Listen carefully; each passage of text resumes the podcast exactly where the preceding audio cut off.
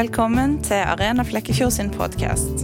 Vi håper at Arena kan hjelpe deg å finne gode svar på livets store spørsmål.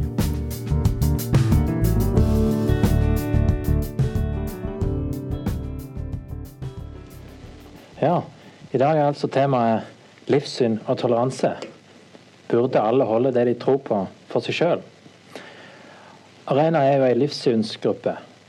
Eh, men til nå så har vi ikke snakket så mye om hva et livssyn er, eller hvordan livssyn burde forholde seg til hverandre. Et ord som blir mye brukt i dag i Norge, er mistillit. Det er mye mistillit mellom grupper som ikke snakker sammen. Og når antall livssyn òg blir større og større, så eh, og, og, og, hvis det ikke da er mulighet til å snakke sammen om ting som er vanskelige, så, så kan det bli et problem for samfunnet. Eh, hvordan skal vi i Norge i dag eh, gi hverandre ytringsfrihet? Hvordan skal vi ha religionsfrihet i et demokrati som vi er? Eh, har vi tillit til hverandre selv om vi er uenige? Det er litt av det det skal handle om i dag.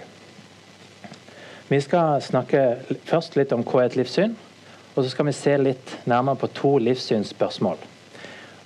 Der vi kategoriserer livssyn litt i forhold til de to. Og så skal vi stille det store spørsmålet for dagen, da. Burde alle holde det de tror på, for seg sjøl? En definisjon på et livssyn er en grunnleggende oppfatning om virkeligheten som bestemmer hvordan vi lever og hvem vi er. Egentlig så handler jo et livssyn om de tingene som du egentlig ikke stiller så mange spørsmål om. Du tror du har en grunnleggende oppfatning som du egentlig ikke stiller så mange spørsmål om. Og det, Her jeg ramsa opp seks livssynsspørsmål. Det finnes sikkert flere som er interessante å snakke om, men det er typiske spørsmål. Um, og um, Vi skal se nærmere på to av de. Hjemme hos oss har vi en uh, treåring som stiller mange spørsmål. Og Hvis du stiller, spør hvorfor det er nok ganger, så nærmer du deg kan du si, en grense for det du tror på. At du bare, til slutt må du bare si 'sånn er det bare'.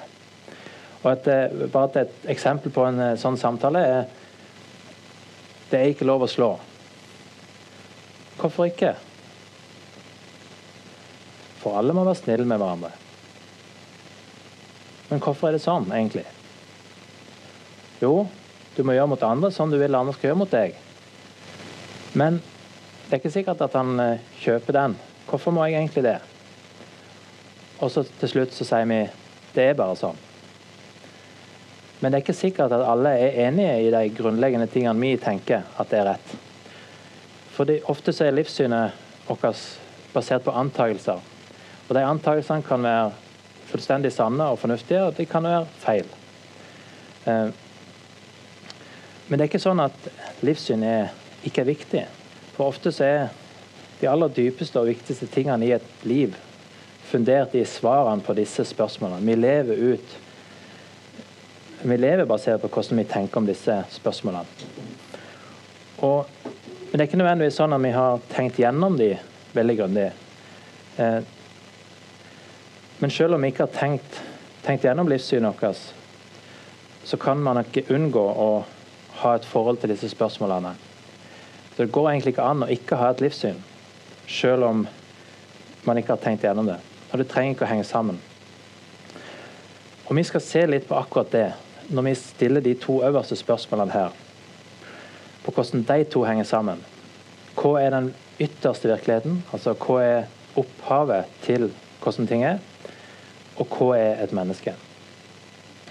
Vi har allerede vært innom det spørsmål nummer fire her på en annen arena kveld, der vi snakket om Hvorfor går det an å vite noe i det hele tatt? Så spørsmål nummer én. Hva er den ytterste virkeligheten? Egentlig så finnes det bare to mulige svar på det spørsmålet. Enten så er den ytterste virkeligheten upersonlig, eller så er den personlig. Hvis den er upersonlig, så betyr det at den har ingen selvbevissthet.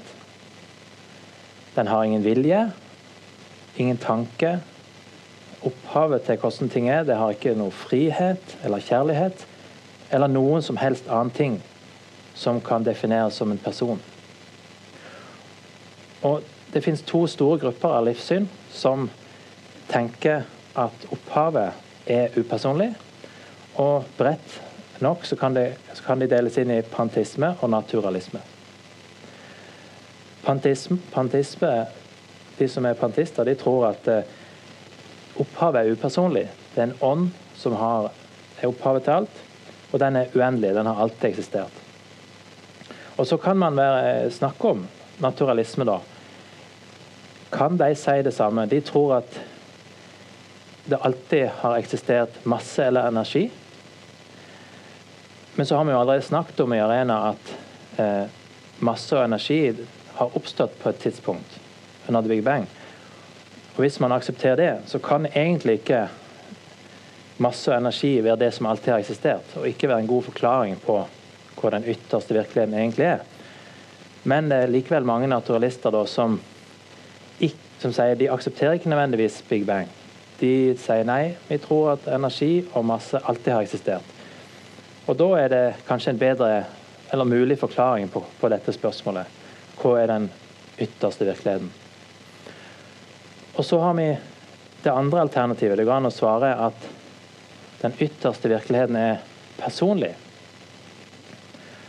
Hvis den er det, så er det som alltid har vært, det har de samme kvalitetene som vi vil gjenkjenne som personlige. Det har f.eks. selvbevissthet, eller det har selvbestemmelse. Og her har jeg òg to bokser. På den ene sida har du det jeg har kalt for bibelsk gudstro. Eh, og det er de verdensreligionene som tror på en gud som har skapt universet, og som er uendelig. Eh, og jeg inkluderer islam der bare fordi at de tror på en sånn type gud. Og de, de anerkjenner òg Bibelen som autoritet. Eh, på den andre sida har du politistiske religioner, der du har guder som beskrives som eh, mennesker med, med, superkrefter på en eller annen måte, som er underlagt universet. Men de beskrives ikke som skaperguder. Og Derfor så passer de veldig dårlig inn i forklaringen av eh, den ytterste virkeligheten, eller hvorfor universet fins. Så nå, nå, har vi sett på en veldig bred kategorisering av livssyn basert på dette spørsmålet. Og eh, nå skal vi gå inn i spørsmål nummer to. Hva er et menneske? Og så skal vi ta med oss den, den, denne todelingen av, spørsmålet. Og så tenke Begrenser ikke det oss veldig på hva vi kan svare på hva et menneske er? Hvis vi sier at virkeligheten eller ytterste virkeligheten er upersonlig, kan vi da f.eks. For forklare hvorfor mennesket er personlig? Eh, og Det er det vi skal se på nå. Hva er et menneske? En rask konklusjon på et stort spørsmål. Eh, mot slutten av 1700-tallet så var det sånn at kristen teisme var dominerende i Vesten. Og Der tenkte man på mennesket som delte opp i to deler. Du hadde den fysiske delen, som er kroppen, prosesser i hjernen. Og så har du din identitet der du Der den ligger. Og der har du den, den var i sjelen, eller i sinnet. Der har du din personlighet, din frie vilje, din samvittighet, dine følelser, kjærlighet, intensjon, begjær, overbevisninger og tanker. Og denne todelingen den, den sier man nå at det finnes en del av mennesket som ikke er underlagt naturen. Det går an å påvirke naturen på en måte som er utenfor. Og det gjør at det fins grunnlag for menneskelig frihet. Fri vilje, f.eks. Det går an å eh, En ting utenfor naturen som kan påvirke naturen. Eh, fordi at Gud har skapt verden sånn at mennesker kan påvirke sin egen situasjon og endre utfallet i historien. Og Et eksempel på det er jo syndefallet. Ehm, Og for det andre så fins det grunnlag for personlighet. Siden Gud er personlig og har skapt oss i sitt bilde. Og for det tredje så finnes det grunnlag for moralen. Vi tror at eh, fordi vi er skapt i Guds bilde som moralske skapninger, så kan vi ikke unngå å leve livet vårt i tråd med samvittigheten vår. Og det er jo sant for alle. Um, men det, er vanskelig å finne en begrunnelse eh, for hvorfor det må være en sånn standard. Kristen teisme sier at den standarden er Guds karakter. Men så etterpå så kom det en annen Altså Bibelsk gudstro ble etter hvert mer og mer kritisert, mindre og mindre populært. Og eh, man eh, fikk mindre tiltro til eh, Bibelen og eh, tradisjonen. Og det ble heller løfta opp eh, Menneskets fornuft ble løfta opp som det øverste, som eh, var troverdig. Og og da, eh, som vi husker på, så, har, eh, så er naturalisme et, eh, et livssyn som, som, har med seg dette at opphavet er upersonlig. Og Nå skal vi se litt på hvilke konsekvenser det får for dette spørsmålet.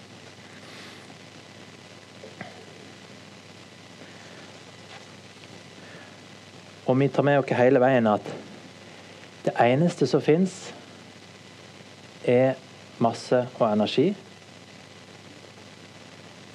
Og universet utvikler seg helt og holdent langs en årsak-virkning-rekkefølge som ikke kan brytes.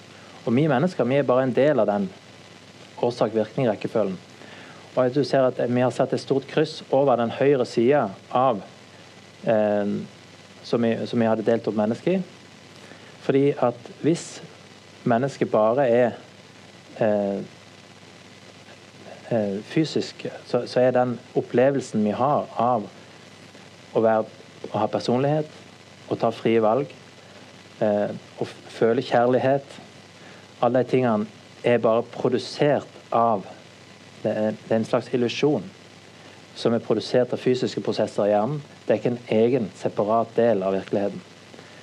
Eh, og det, det får fire konsekvenser for hvordan man kan svare på dette spørsmålet hva et menneske er. For det første så får det en konsekvens for personlighet. Mennesket er bare en maskin som produserer en opplevelse av personlighet ved hjelp av fysiske prosesser i hjernen.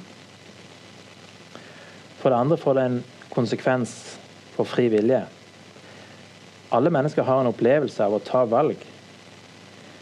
Eh, men hvis universet utvikler seg etter det strengt fysiske årsaker, så fins det ingen separat del av deg som har intensjoner eller en vilje som kan overgå det strengt fysiske. Og så får det en konsekvens for moral. Um, naturen i seg sjøl kan jo ikke være umoralsk. Sånn at den bryter en norm den burde egentlig ha fulgt.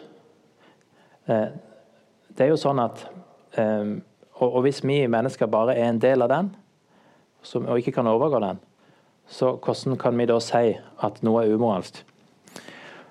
Og det var Fredrik Nietzsche han, eh, Det var han som liksom virkelig utfordra naturalismen til å innse disse vanskelige tingene. Eh, han sa f.eks.: Det fins ingen moralske fakta. Moralske vurderinger har til felles med religiøse vurderinger at man tror på realiteter som ikke eksisterer. Moral er bare en tolkning av et fenomen, eller mer presist en feiltolkning. Og til slutt så får det en sterk konsekvens på se, Den var i veien, ja. Kunnskap og fornuft. Og spørsmålet jeg da vil stille, er kan jeg være sikker på at jeg kan stole på mine egne tanker og fornuft hvis jeg bare er en maskin?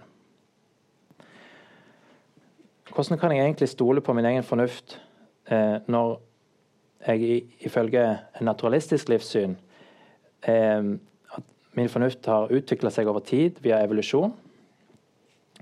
Og det har utvikla en måte å tenke på, en bevissthet. Eh, selv om jeg er godt tilpassa til å overleve, så betyr det at jeg kan stole på mine kognitive evner. Det som er litt ironisk her, er at den bevegelsen som begynte å løfte opp menneskets fornuft til det øverste eh, nivået, endte opp med å oppløse den menneskelige fornuften.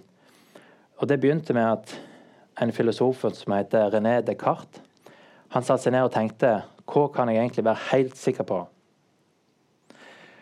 Hva er det jeg ikke kan tvile på? Og han kom fram til at jeg tenker, derfor er jeg. Det var han helt sikker på. Og han trodde det ikke gikk an å tvile på det.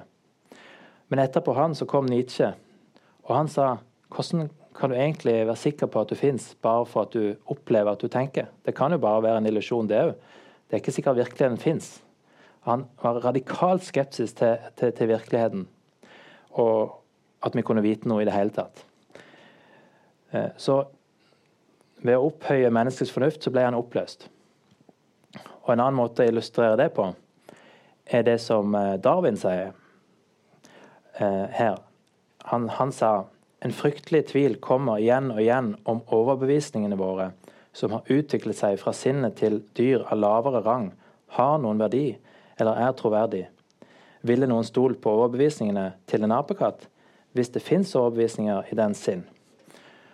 Og vi som da i dette livssynet er bare mer utviklede apekatter, har, har vi egentlig grunnlag til å stole på våre egne resonnement og tanker? Så jeg mener at konklusjonen eh, og denne konklusjonen gjelder òg egentlig for panteisme, fordi at selv om de er veldig ulike, eh, disse to eh, typene av livssynskategorier, så starter de fra samme opphav. De starter fra at den virkelige eller ytterste virkeligheten er upersonlig. Derfor kan, må man komme fram til denne konklusjonen om mennesket, mener jeg. Når du legger sammen at du ikke kan vite noe, ikke kan påvirke livet ditt, og det ikke finnes noe rett eller galt, så er konklusjonen eh, at verden ikke gir mening. Og de aller færreste kan leve med den konklusjonen. Derfor så kom det i etterkant av at naturalismen var veldig populær, så kom det flere andre livssyn eh, som, eh, som, prøvde alt de kunne å komme seg vekk fra den tankegangen.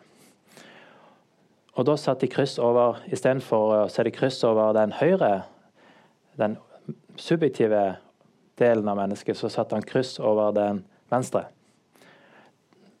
Det logiske. Istedenfor menneskelig fornuft, eh, så erstatta de eh, eksistensialistene og postmodernistene erstatta menneskelig fornuft med den subjektive opplevelsen av å være menneske. Og Istedenfor å si at vi skal finne sannheten om virkeligheten, så er de opptatt av relativisme, at ingenting er sikkert. Felles for alle disse livssynene som kom i etterkant her i Vesten, er at de er opptatt av den subjektive opplevelsen av å være menneske. Verdi og mening trenger ikke å være knytta opp mot vitenskap og logikk. De tenker at med vår egen bevissthet, selv om på en måte vitenskapen sier noe annet, og vitenskapen har bevist at eh, eh, gjerne livet er meningsløst, så kan vi likevel eh, avgjøre hva som er verdifullt, meningsfullt, rett og galt. Men jeg vil påstå at disse livssynene egentlig ikke har kommet noe lenger enn det som eh, vi allerede har vært gjennom med naturalist, naturalismen, for de godtar egentlig denne forklaringen som naturalistene hadde, men de velger å leve som om det ikke er sant. De velger å leve sånn som de opplever og føler at ting er, uten å forholde seg til det de egentlig vet er sant.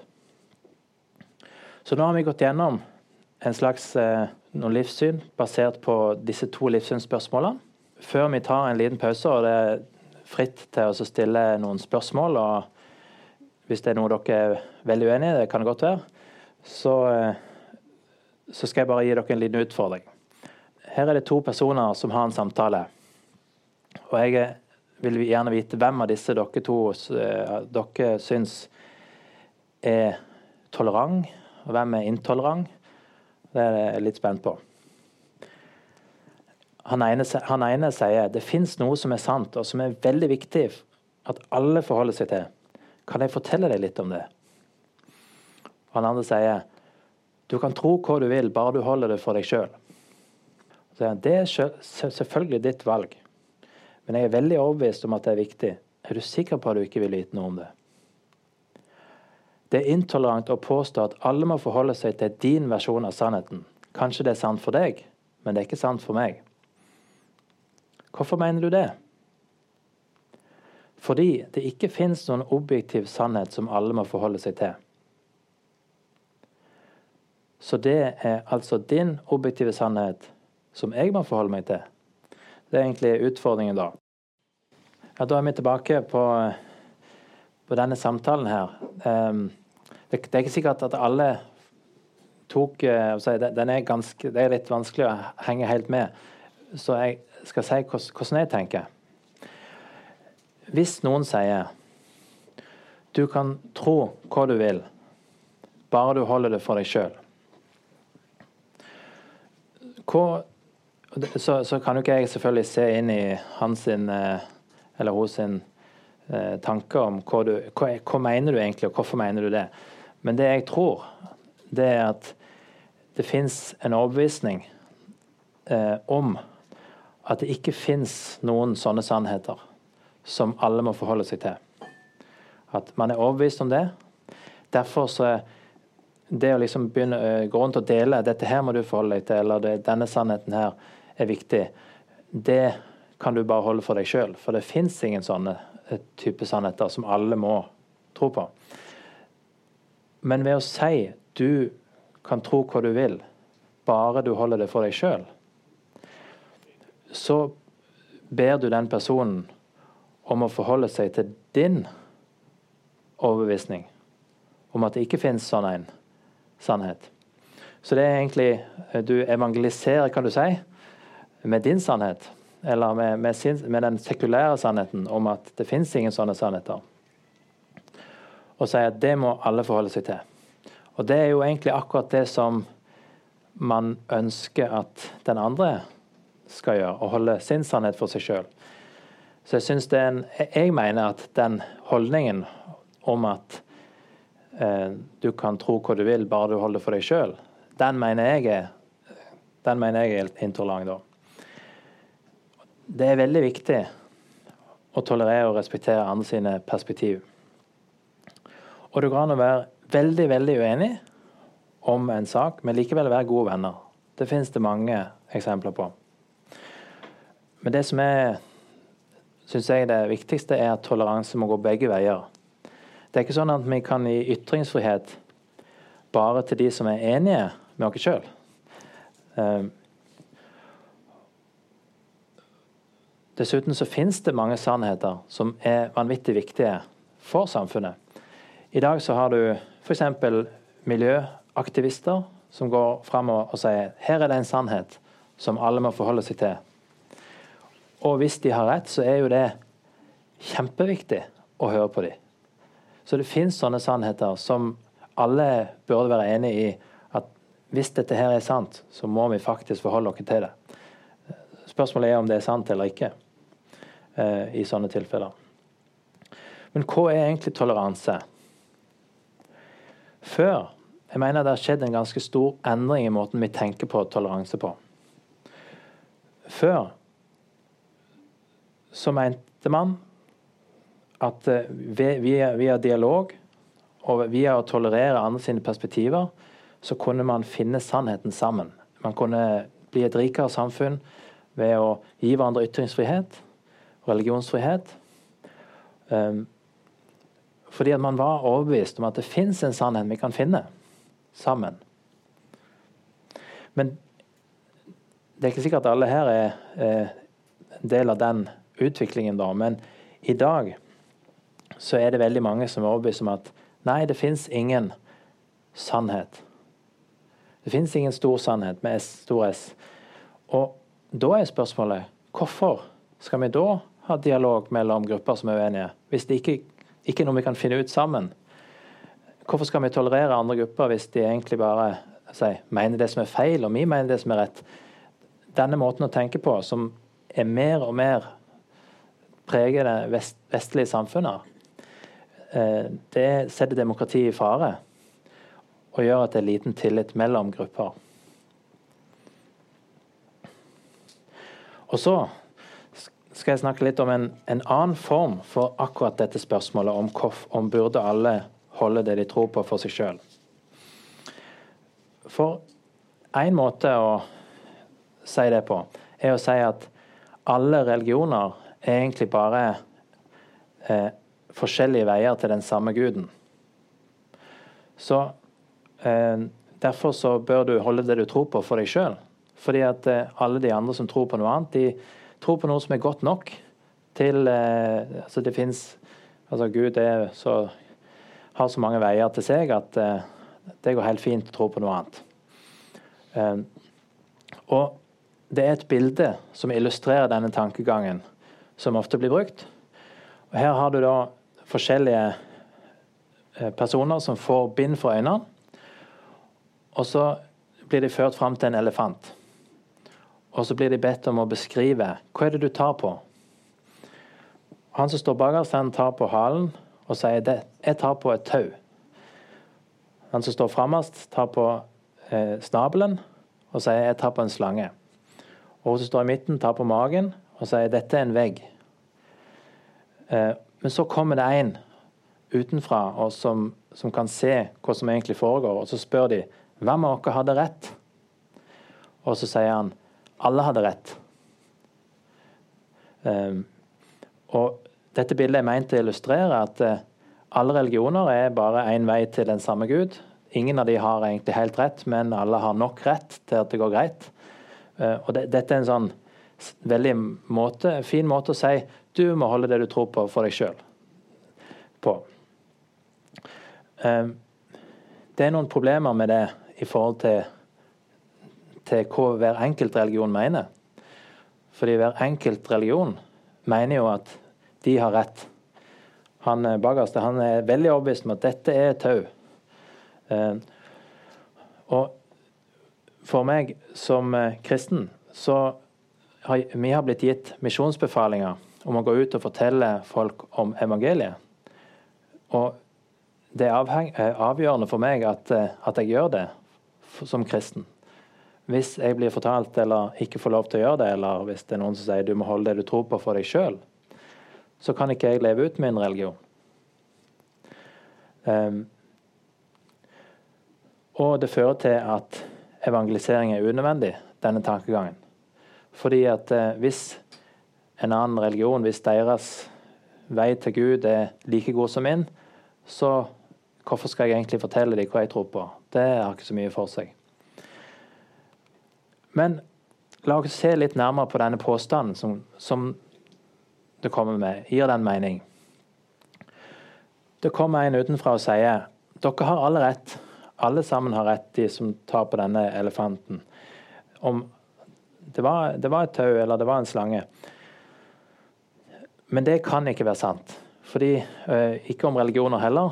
Vi har allerede gått gjennom det at forskjellige religioner har helt motsatte påstander om virkeligheten. F.eks. panteisme, som sier at opphavet er upersonlig, mens de bibelske eh, religionene sier at den er personlig. Så de to tingene kan ikke være samme, sanne samtidig.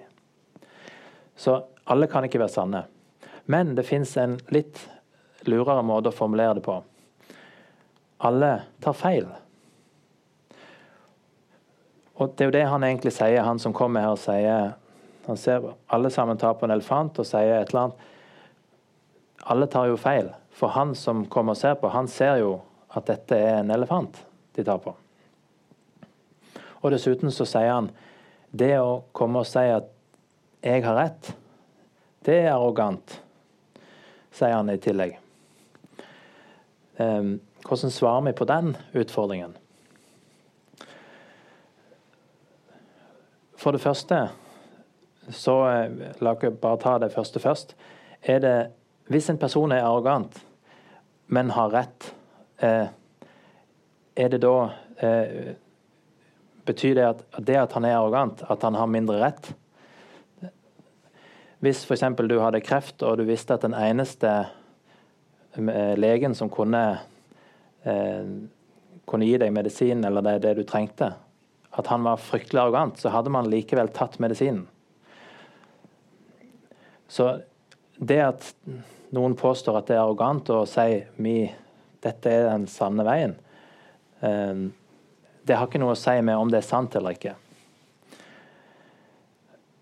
For det andre så mener jeg da at hvis jeg i all Hvis jeg er overbevist om at noe er sant, og jeg har prøvd å lese meg opp på det og studert det og med, ja, er helt overbevist om at det er sant, så er det i seg sjøl ikke arrogant.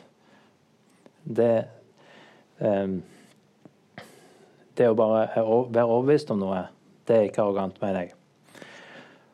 Men det viktigste her, mener jeg, er at han som kommer og ser elefanten og sier alle tar feil hvis, hvis han mener at det er arrogant å påstå at de andre tar feil, så er jo han den aller mest arrogante. For han påstår jo at alle tar feil, og at han egentlig ser virkeligheten. Så den utfordringen faller for sin egen urimelighet.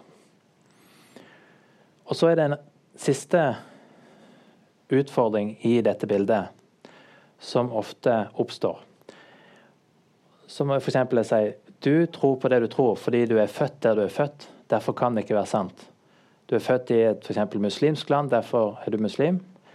Eh, da kan ikke det være sant, fordi at du ble født der. Og det eh, er òg en veldig dårlig innvending. For altså jeg kan si eh, himmelen er blå, og så du, skal du si da at eh, ja, siden du er født i Norge, der du er født, gjør at det du tror på ikke stemmer. Det, det henger ikke sammen. Og det òg kan du snu imot den som påstår det, og si at fordi du er født i et uh, land som, um, som er kritisk til at én religion har svaret, så tror du at alle religioner fører til Gud. Da kan det heller ikke det være sant. Så alle, jeg, føler, jeg, mener alle disse innvendingene mot at én religion kan ha det sanne svaret, faller for sin egen urimelighet. Um, til slutt Det er en siste grunn til at jeg mener eh, Som vi skal se på når vi skal svare på spørsmålet om alle må holde det de tror på for seg sjøl. Det er radikalisering.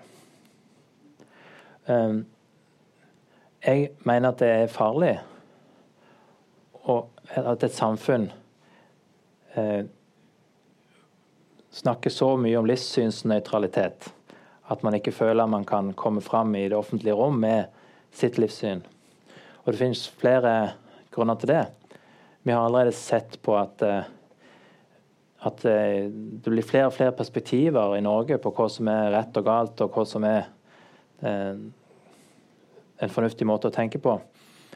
Og Hvis vi ikke kan snakke sammen om det, så vil kan du si, det felles moralske og verdigrunnlaget vi har, det vil bare skli fra hverandre.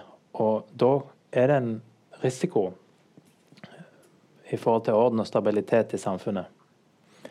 Så har du òg politiske og religiøse grupper som er veldig opptatt av at det finnes en sannhet, og ønsker å dele den og søke dialog og toleranse. Eh, og vi vet jo eh, Husker alle sammen 22.07. Det vil vi ikke at skal skje igjen. Så det er verdt å investere i dialog mellom livssyn.